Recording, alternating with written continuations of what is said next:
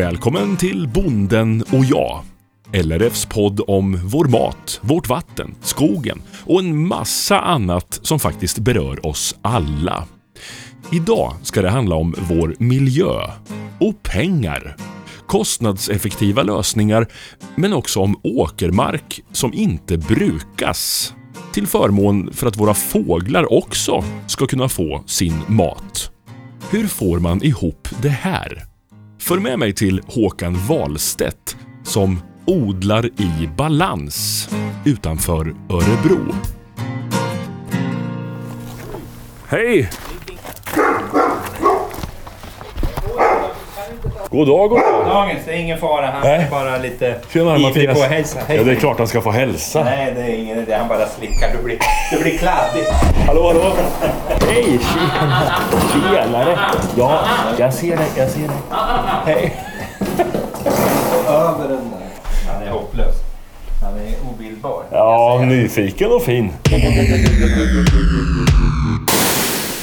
Ja, då slår vi oss ner här hemma hos Håkan Wahlstedt, Hidinge gård.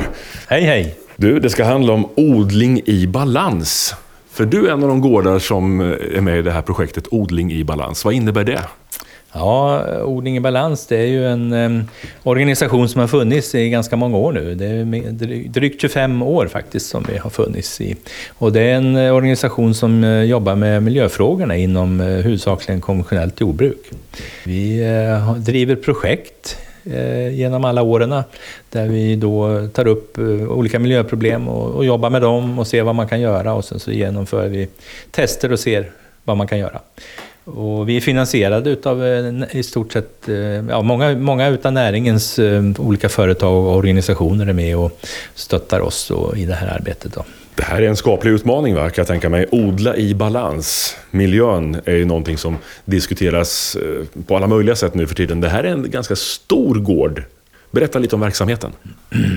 Ja, vi har en eh, gård med eh, väldigt stor grisproduktion. Vi producerar ungefär 15 000 grisar om året som går till slakt. Då. Och sen så har vi ungefär 275 hektar åker då som vi odlar eh, foder till grisarna och eh, även lite andra eh, grödor till avsalu.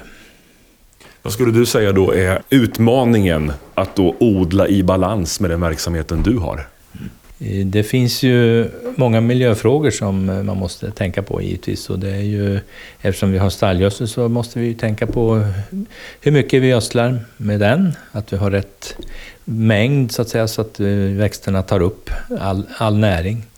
Och eh, vi har ett problem med ogräs och då använder vi bekämpningsmedel för att eh, ta bort ogräserna och då ska vi ju försöka minimera eh, avdrift och, eh, så att vi inte sprutar eh, onödigt mycket. Utan vi försöker anpassa eh, sprutningen och eh, gödselgivorna så att växterna får så mycket som vi behöver fast ändå blir det inga förluster. Då. Men jag använder ändå bekämpningsmedel. Ja, det gör vi jag tror att det är ett nödvändigt ont. Eh, Vi har mycket svårt att klara oss utan bekämpningsmedel tror jag. I, på många av våra jordar så är det ju lite mullrikare och där har vi väldigt ogräsuppslag och det skulle i stort sett vara omöjligt utan det. Men det finns de som klarar av det också. Ja, det gör det och allting eh, beror ju på hur mycket ogräs man tolererar och hur mycket kostnader man vill dra på sig. Har man inte bekämpat med, med, med bekämpningsmedel då får man ju köra väldigt många gånger med en eh, hacka eller en, en ogräshärv och då går det åt väldigt mycket diesel istället. Så odling i balans betyder inte att man är helt fri från bekämpningsmedel och kemikalier. Nej, jag tror att det, det är, är, är nog nödvändigt att vi använder det om vi ska kunna försörja Sverige och jorden med livsmedel på sikt. Om vi tittar lite på vad, vad du har åstadkommit här sedan eh, 1999 när du anslöt till odling i balans. Vad stod du inför för utmaningar och hur har det gått? Ja, det är många år. Eh, jo, vi eh, började ju med att anlägga en eh, biobädd. Och det var det första som Odling och balans, ett, ett stort projekt vi hade där vi provade att bygga biobäddar överallt där vi använde bekämpningsmedel. Att står man och blandar till bekämpningsmedel med sprutan då på den här biobädden och skulle man få ett spill ifrån den här hanteringen så tar biobädden om hand utav hela förlusten så att säga, så bryter ner det preparat som man har spridit, eller spilt då. Och det har ju fungerat väldigt bra, de här biobäddarna, som det verkar. De bryter ner. Det är ju som en kompost kan man säga, en väldigt en stor kompost som bryt, där man tillför halm och, i, till jorden och sen så får man en väldigt kraftig biologisk omsättning och bekämpningsmedlen bryts ner då i den här komposten. Helt och hållet? Försvinner? Ja, det ska de göra. Det, är sån, det är sån kraftig eh, biologisk omsättning i den här komposten. Så att, eh, det är ju inte en kompost som man odlar i sen, utan den kan man ju så att säga sprida ut på, eh, på fält så att säga, och sprida, sprida väldigt glest så att det blir eh, tas om hand då, ute i naturen sen också. Det var det första som vi gjorde när vi eh, satte igång och sen så eh, körde vi igång med mycket kantzoner. Vi har ju kantzoner ut med alla diken i stort sett för att liksom minska eh, växtnäringsförlusterna till, till vatten och liksom stoppa det helt och hållet där så att inte vi får... Berätta vad det innebär. Hur funkar en sån och varför har man en kantzon? En kantzon har man ju för att eh, hålla distansen till eh, till eh, vattendraget. Hjälpa till att hålla distansen då. Och sen så får man ju också en lite större biologisk mångfald då i och med att man har en kantzon då, som då kan gynna vilt och harar, rådjur och, och så. Det är viktig mark som du skulle kunna odla på. Ja, den är ju fullt produktionsduglig. Så att det ju, har vi avsatt då en eller två procent just nu för att eh, öka den biologiska mångfalden. Och sen, eh, ibland är den ju bara gräs, eller också så har vi ett projekt nu där vi har satt igång med, eh, som vi kallar för samzon, där vi har valt att ha olika remser med gräs och med blommande mm, örter för att gynna humlor och bin. Då. Så att om man ser då eh, sådana kanter ut med vägar och diken så är det ju en sån samzon då som, som ska gynna eh, den biologiska mångfalden. Då. Det kan även vara till exempel eh, solrosor eller eh, hampa har det också förekommit. Eh, och då gynnar man fåglar då med, med de här solrosorna och hampan. Då. Mm. Har du sett någon effekt? Ja, det är väldigt mycket fågel i solrosor och hampa som har blommat färdigt. Och på höstarna då blir det stora flockar som kommer och äter. Så man hjälper dem lite på flytten. Och man ser ju i de här blommande kantzonerna är det kopiöst mycket humlor som surrar och bin som surrar. Man, är man eh, barbent eller med kortbyxor eller så, så är det nästan som man inte vill gå ut där för att det känns som att de kan sticka till lite. Men det här är en kostnad för dig, eller får du in eh, någonting tillbaka på det ekonomiskt? Nej, vi, vi har ju varit med i projektet så på det viset så har vi liksom fått vissa pengar till detta då för att så in de här och testa då olika sorter och olika, vilka sorter man ska använda så att säga i, mm. i de här samzonerna. Men, men på sikt så, så finns det inget eh, stöd egentligen för den här, ehm, eh, sådana här typer av Ännu finns det inte några riktigt väl utarbetade stöd. Eh, det kanske är på gång från EU och från eh, Jordbruksverket, men eh, vi får se. Den dagen ni inte får stöd för den ytan, vad händer då? Ja, då är det ju lite tråkigt, det tycker jag. Det, framförallt, jag har ju ett stort intresse för, för de här frågorna, så att för mig kanske det är intressant i alla fall att ha lite sådana här remsor då, men, men för den gemene eh, lantbrukaren så är det ju ett litet avbräck då ekonomiskt. Det har ju varit många år med lite dåliga ekonomier här eh, under flera år, så att eh, på det viset så är det ju troligt att många av kanterna skulle kanske försvinna. Nu är man ju tvungen att ha en, ett, ett avstånd ändå när man kör bekämpningsmedel. Då har man ju eh, oftast sex meter. Det beror lite på hur hur det blåser och, och så. Men eh, ofta så är det sex meter då mot vattendrag. I, eller ett rent dike utan vatten i så blir det ju lite mindre. Men eh, de här sex metrarna är ju eh, någonting som man då inte kan använda bekämpningsmedel på. Man kan ju använda handelsgödsel eller, och så och odla där i alla fall. Men risken är att man får ett väldigt ogräsuppslag då. Och då får man ju en lägre skörd. Jo, vi har ju jobbat väldigt mycket med nyckeltal för, för gården och så kan man se då hur hur, mycket, hur duktiga vi har varit på effektivitet när det gäller fosfor och kväve.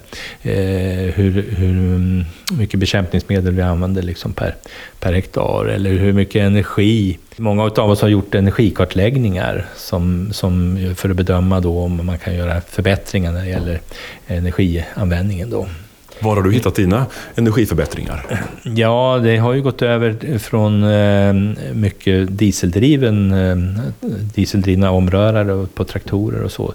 När vi rör om gödsel så har vi gått över på eldrivet då istället. Där har vi sparat väldigt stora pengar. Och sen så har vi dessutom eh, satsat på en eh, spridningsanläggning då för stallgödsel som är med en, eh, så jag kallar för en äkta släpslangspridare. Det är en, eh, en matarslangsystem kan man säga, brukar man kalla det för. Så att vi använder ingen gödseltunna när vi sprider eller transporterar gödsel, utan vi pumpar då eh, långa sträckor, upp mot en 3-3,5 kilometer. Och där har vi sparat jättemycket diesel på att slippa köra med gödseltunna. Det har varit en av de bättre investeringarna. Sen har vi ju gått över på biobränsle. Sedan många år tillbaka, redan 96 byggde vi ju en halmpanna som man även kan elda ved i. Så att all eh, användning av eh, fossila bränslen för uppvärmning, de, de, har vi eliminerat så det finns inte. Så det har vi haft ända sedan 96 nu då, i torken och i alla bostäder och, och svinhusen och allting. Sen vet jag att du plöjer inte åkrarna heller. Nej, precis. Det är också någonting som vi har sysslat med nu i 20, 20 eller 23 år, beror lite på olika fält. Men eh, det har vi också tycker sparar väldigt mycket diesel på att eh, köra två gånger med en kultivator eller en tallriksredskap. I vår energikartläggning så var vi ju faktiskt nere på, om vi tittar på en ren eh, växtodling och jämför med en ren växtodlingsgård så kunde vi faktiskt eh, använda så lite som 32 liter per hektar. Det är en väldigt låg siffra. Men du, plöja åkrarna, varför gör man det om det inte behövs? Eller? Ja, det går jättebra. Vi får väldigt bra skördar tycker jag. Och nu har vi ju kört så länge så att jorden har väl stabiliserat sig och fått eh, en helt annan struktur då. Så att, eh, det är ju ofta det man pratar om, att eh, kanske de första åren blir lite sämre och sen så hinner jorden eh, omvandla sig och man får en fortsatt eh, bra gynnsam utveckling då i, i översta jordskiktet. Så att, eh, nej, nej, plogen är ju inte nödvändig för att man ska odla. Det är ju ett sätt att kanske bemästra ogräsen lite bättre. Eh, man kan, man kan nog få lite mindre ogräsuppslag, men eh, jag tycker ändå att eh, vi kanske får något mer användning av Roundup eller glyfosatprodukter. Men inte mycket inte, tycker jag, jämfört med, med någon som plöjer. För det kan man ju undra då om du använder mer kemikalier på bekostnad av att du inte plöjer. Ja, men det tycker inte det är någon stor skillnad eh, om man jämför, måste jag säga. Det kan vara någon enstaka gång som vi är tvungna att, att köra in en, en extra körning. Det gäller att vara snabb på och bruka ner eh, växtresterna efter tröskan och så. Och det är ju i och för sig inte alltid så lätt när man ska ta in halm till exempel. Då kan det bli liggande någon vecka och det är inte bra. Men eh, det får man försöka klara av. Men det ideala är ju att köra så fort som möjligt efter skörd. Mycket handlar om att, att, tänka nytt, se lite vad man kan spara energi och effekter. Mm. Ska vi ut och kolla på verksamheten? Någon smart lösning du har kommit på? Det kan vi göra. Ja, det, du är välkommen med. Så tänker kunden. En full vagn full med matvaror. Hur mycket tänker ni på var alla matvaror kommer ifrån och vad de har fått för produktionsvillkor och miljö och grejer? Lite tänker vi på det och tittar på det. Det gör vi faktiskt. Köper svenskt. Ja. Köper svenskt. Ja, lite och köper svenskt. Ja, köper svenskt. Ja. Rakt av svenskt? Nej, det, när det finns... Det, det finns inte svenskt, det är allt vi vill ha. Då kommer det ju något annat med. Men annars vi, vi är patrioter, vi vill köpa svenskt. Vad är det som inte finns då? Idag till exempel jordgubbar har ni köpt där. Ja. Idag har jag köpt jordgubbar. Just det. Ja, men de är inte svenska, det visste jag. de är från Spanien? Ja, det är de. Det är lite lyxvara när man köper jordgubbar, men så är det ju. Vad skulle ni säga om man tänkte på att handla ut efter årstiderna? Vad som erbjuds i Sverige, att man ställer om tänket lite? Så var det ju när vi var unga. Men sen har, sen har det ju kommit att det odlas i varmare länder och kommer hit och eh, vi exporterar till varmare länder det som vi har här. Och så är det. Handelsutbyte. Vad var det som hände där då, när ni var unga? Det är ju inte jättelänge sedan eller? Ja, det är många år sedan. Nej, Det är långt. Då, då, då åt man jordgubbar som var närodlat.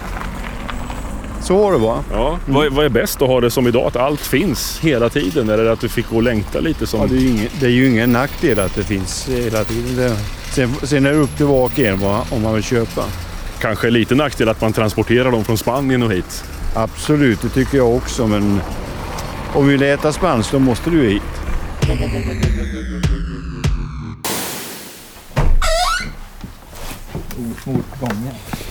Ja, hur tänker man där man ska smörja gångjärnet på odling i balans? Har du något smart sätt? Ja, det går med vad som helst. Jag har inga preferenser. Berätta vad vi står och tittar på nu. Ja, nu står vi ju här i, utanför huset i våran trädgård och tittar ut över markerna. Eh, Jag har ju tyvärr fått in almsjuka så att eh, vi har fått fälla lite träd här. Det är jättetråkigt. Vi hade en riktig parkanläggning här nästan men nu är tio träd borttagna. Aj då, aj då. Hade du kunnat haft dem kvar om du inte hade tänkt på miljön eller? Fanns det något sätt att rädda dem? Nej, alltså det är ju lite olustigt att ha eh, torra träd i trädgården som kan, eh, där grenarna kan droppa ner när som helst. Det tycker jag. Och husen stod ju alldeles nära. Och, så att, eh, nej, vi var nog tvungna att ta bort dem. Annars så kan man väl tänka på det att man kanske inte behöver plocka ner alla döda träd. Men, eh, eller också kan man ju lägga dem i, i något litet upplag någonstans där insekter kan Ja, ska du ha dem till någonting nu när du tänker på miljön då? de här träden var- ju inte, ja jag vet inte. Antingen ska jag elda upp dem i pannan. Eller också lägga några stycken kanske. någonstans. Om vi kollar ut över åkern här. Du pratade om satellitbrunnar förut. Ser vi någon sån här? Ja, du har två stycken eh, långt där borta mellan en eh, dunge där och ett hus. Eh, Långt bortanför där. Det är två kilometer dit som vi då rullar ut slang och pumpar gödsel till. Och det sparar vi in en mils körning ungefär kan man säga. Om man ska åka väg, med väg då och tunna så är det en mil ungefär fram och tillbaka. Hur tänker du på elförbrukningen där? Vi, vi använder ju HVO, eh, diesel då i våra redskap och traktorer. Allting har vi kört med HVO 100 nu i tre års tid och det har funkat jättebra. Vi har inte märkt någonting. Ja, ni Alla. kör diesel bort dit, HVO. Ja, vi kör, vi pumpar för det är så stor kraftbehov så att eh, pumpa med el är, eh, skulle bli extremt dyrt för man skulle behöva säkra upp jättestora säkringar för att klara av det. Så att vi har valt att köra med dieselmotorer och då, men å andra sidan så använder vi då HVO i, har vi gjort nu i tre år. Då. Och det har ju funkat jättebra i alla bilar och traktorer så går det med HVO. Hur miljövänlig är den? Hur mycket har du kollat? Ja, den är ju en koldioxidreduktion på 90 procent. Det är den här finska HVOn som de gör då på slaktrester och vegetabiliska oljor. Man ser ju inte, jag har ju ett otränat öga, man ser inte att det är en gård som är odling i balans. Men vad ser du när du blickar ut? Det finns massor med spår antar jag. Ja, du ser ju att det liksom är eh, oplöjd mark. Det är, eh, finns lite, lite halmrester kvar i ytan eh, som är kvar som kommer att försvinna när vi brukar till innan sådd då. Eller vid sådd så kör vi ju med rapiden direkt. Så att på rapiden sitter ju eh, disktallrikar som bearbetar då. Så att då kommer ju all halm att liksom vara nedmyllad efter det sen. Vi ser en skalbaggsås där nere som vi har anlagt mitt emellan två fält. Det är en, eh, en ås som ska gynna eh, naturliga fiender. Just Där. Eh, Och sen så ser man ju lite kantzoner där borta i, ehm, i den andra änden på det stora fältet där borta. Eh, där har vi blommande eh, klöver och eh, har varit klöver och gul sötäppling och lite annat. Som, nu syns det ju inte, allting är ju grått. Men i, i höst eller vår och sommar så kommer det givetvis att blomma. Men du, allting handlar ju då ändå till syvende och sist om ekonomi. Alltså det, det är jättekul att gynna och alla insekter och vara snäll mot miljön. Men du ska ju också leva och det antar jag att du gör. Eh, ekonomi och odling i balans då, vad tänker du då? Ja, det är jätteviktigt. Om vi inte har eh, lantbruk med ek- god ekonomi då kommer vi inte heller att få mycket eh, miljöarbete utfört. För att eh, det, först måste man ju ha så att man kan överleva och leva på det som man jobbar med. Sen när man har fått pengar till det, då kan man ju börja tänka på andra saker sen då. Mm. Men ni får ju stöd Men, för det ni gör här nu. Om ni skulle göra det här utan det och de som lyssnar nu till exempel blir inspirerade. Går det att få ihop det här utan ekonomiska stöd? Går det att odla i balans? Det är givetvis inte lätt att få ut eh, pengar för de här eh, eh, åtgärderna som vi har gjort. Det, bästa borde ju, och enklaste, det tror jag att man kunde få ett stöd för det. Det tror jag skulle, då skulle intresset öka väldigt mycket. Och sen så finns det givetvis möjlighet på sikt kanske att få ut någonting på marknaden om man får en produkt som då visar att här har vi odlat på det här viset. Eh, våra grisar har fått blivit uppfödda med hjälp av all, fodret är kört med HVO. Och, Du tänker att kunderna är beredda på att betala för om det? kunden kan tänka sig att betala mera då, då skulle man ju kunna få lite pengar tillbaka. Men Är de, beredda, det är- de beredda på det tror du? eh, det är ett långt steg. Men det, en del kan tänka sig att betala för det, det tror jag. Men eh, jag tror att ska vi få en snabb effekt så tror jag att eh, EU ska hjälpa till med lite stöd för sådana här kantzoner. Men mycket har ju, alltså om vi tittar på hur svensk jordbruk jobbar eh, i övrigt så har ju väldigt mycket gjorts. Alltså vi har ju varit väldigt duktiga på att anpassa gödselgivor och använda eh, N-sensorer och liksom anpassa gödselgivan och den här rådgivningen har ju funnits i, sedan början på 90-talet. Så att eh, i Sverige har man ju gjort jättemycket och vi har ju, Men det är Ja, men 30, det är 30 år sedan nu. ja men, Har det hänt så mycket på 30 år? Ja, det tror jag. Det, det har ju, Greppa näringen har ju visat på mycket eh, vad som har hänt under perioden här så att säga.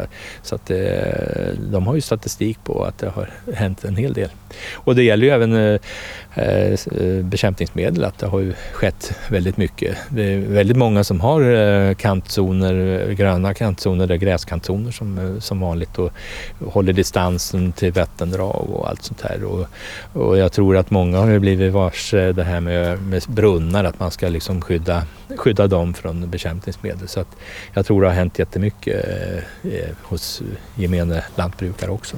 Men tar man ekonomin där och tänker på att eh, du får stöd för detta. Du Mm. tror att konsumenten ändå på något sätt är villig med ett långt steg att betala för produkterna.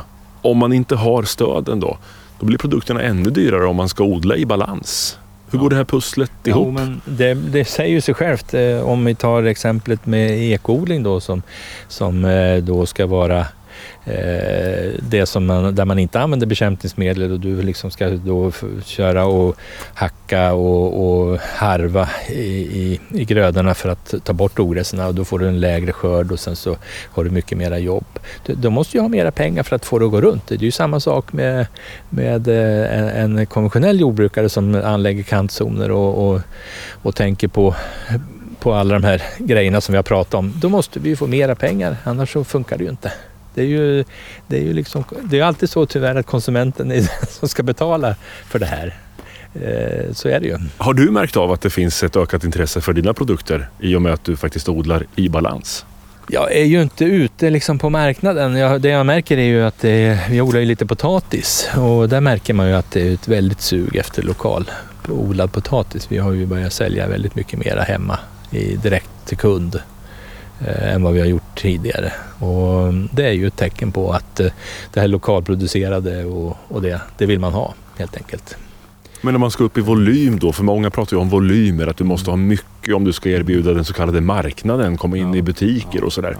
Går det då att ta hänsyn till naturen, odla i balans och trycka ut så mycket som möjligt? Ja, det tycker jag. Det, det är ju inte några gigantiska eh, kostnader att lämna lite kanter och, eh, och, och, men, och kan man tro liksom att man på något sätt kan få hjälp av eh, våra mellanhänder mm, och så vidare och, och få ut pengarna ända ut mot konsument så, så borde det ändå gå tycker jag. Men om man liksom får fram den här kunskapen till konsumenten att eh, det är det här som måste till för att vi ska få det här att funka. Så en del av den slanten man ger i kassan i butiken, den går också till den här skalbaggesatsningen här och, och fåglarna som... Ja, den, den, Pickar. dagen, den dagen jag kan liksom förmedla det ända ut. Jag säljer ju inte så mycket spannmål. Mycket av min spannmål går till grisarna. Det, Ja. det jag säljer det är lite potatis och, och lite lin och sen eh, Eh, Det är Ja, men överlag, grisköttet här då. Ja. Om man tänker att nu köper vi lite griskött här. Och då har vi också betalat en del för att eh, fåglarna ska ha solrosor i kanten. Precis, det vore ju det, det bästa om man kunde få till ett sådant samband. Så att eh, den som köper grisen förstår, eller den som köper fläsket se- förstår att här, här betalar jag lite grann till det här. Det skulle ju vara jättebra. Så tänker kunden. Här blippas det hej vilt. Vad har ni köpt för någonting? Jag köpte lite bratwurst. Vad var det för eh, köttursprung? Nu får ni inte kolla på paket. Nej, nej, nej. Vad har ni köpt för någonting? Mycket bra fråga. Inga bra svar har jag, tyvärr. Nej, Jag vet inte, det var inte jag som tog den. Jag skyller på min vän.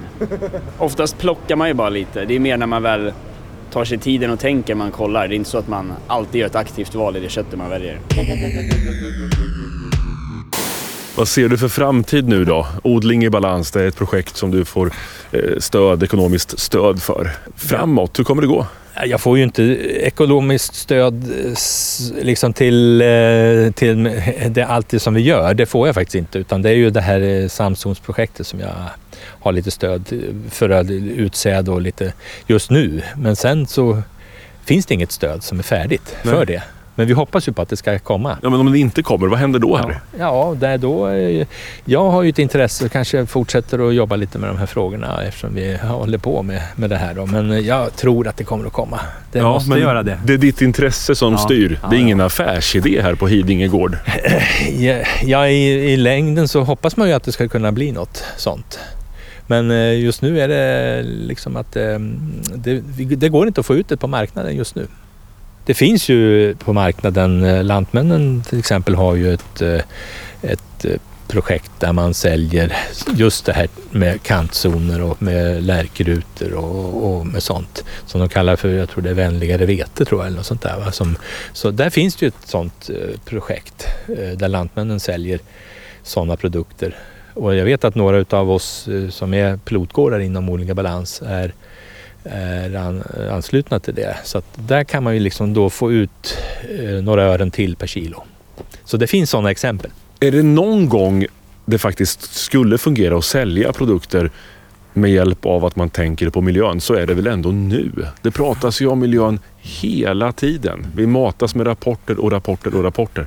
Så mer draghjälp lär ni väl inte få kanske av allmänhet och media?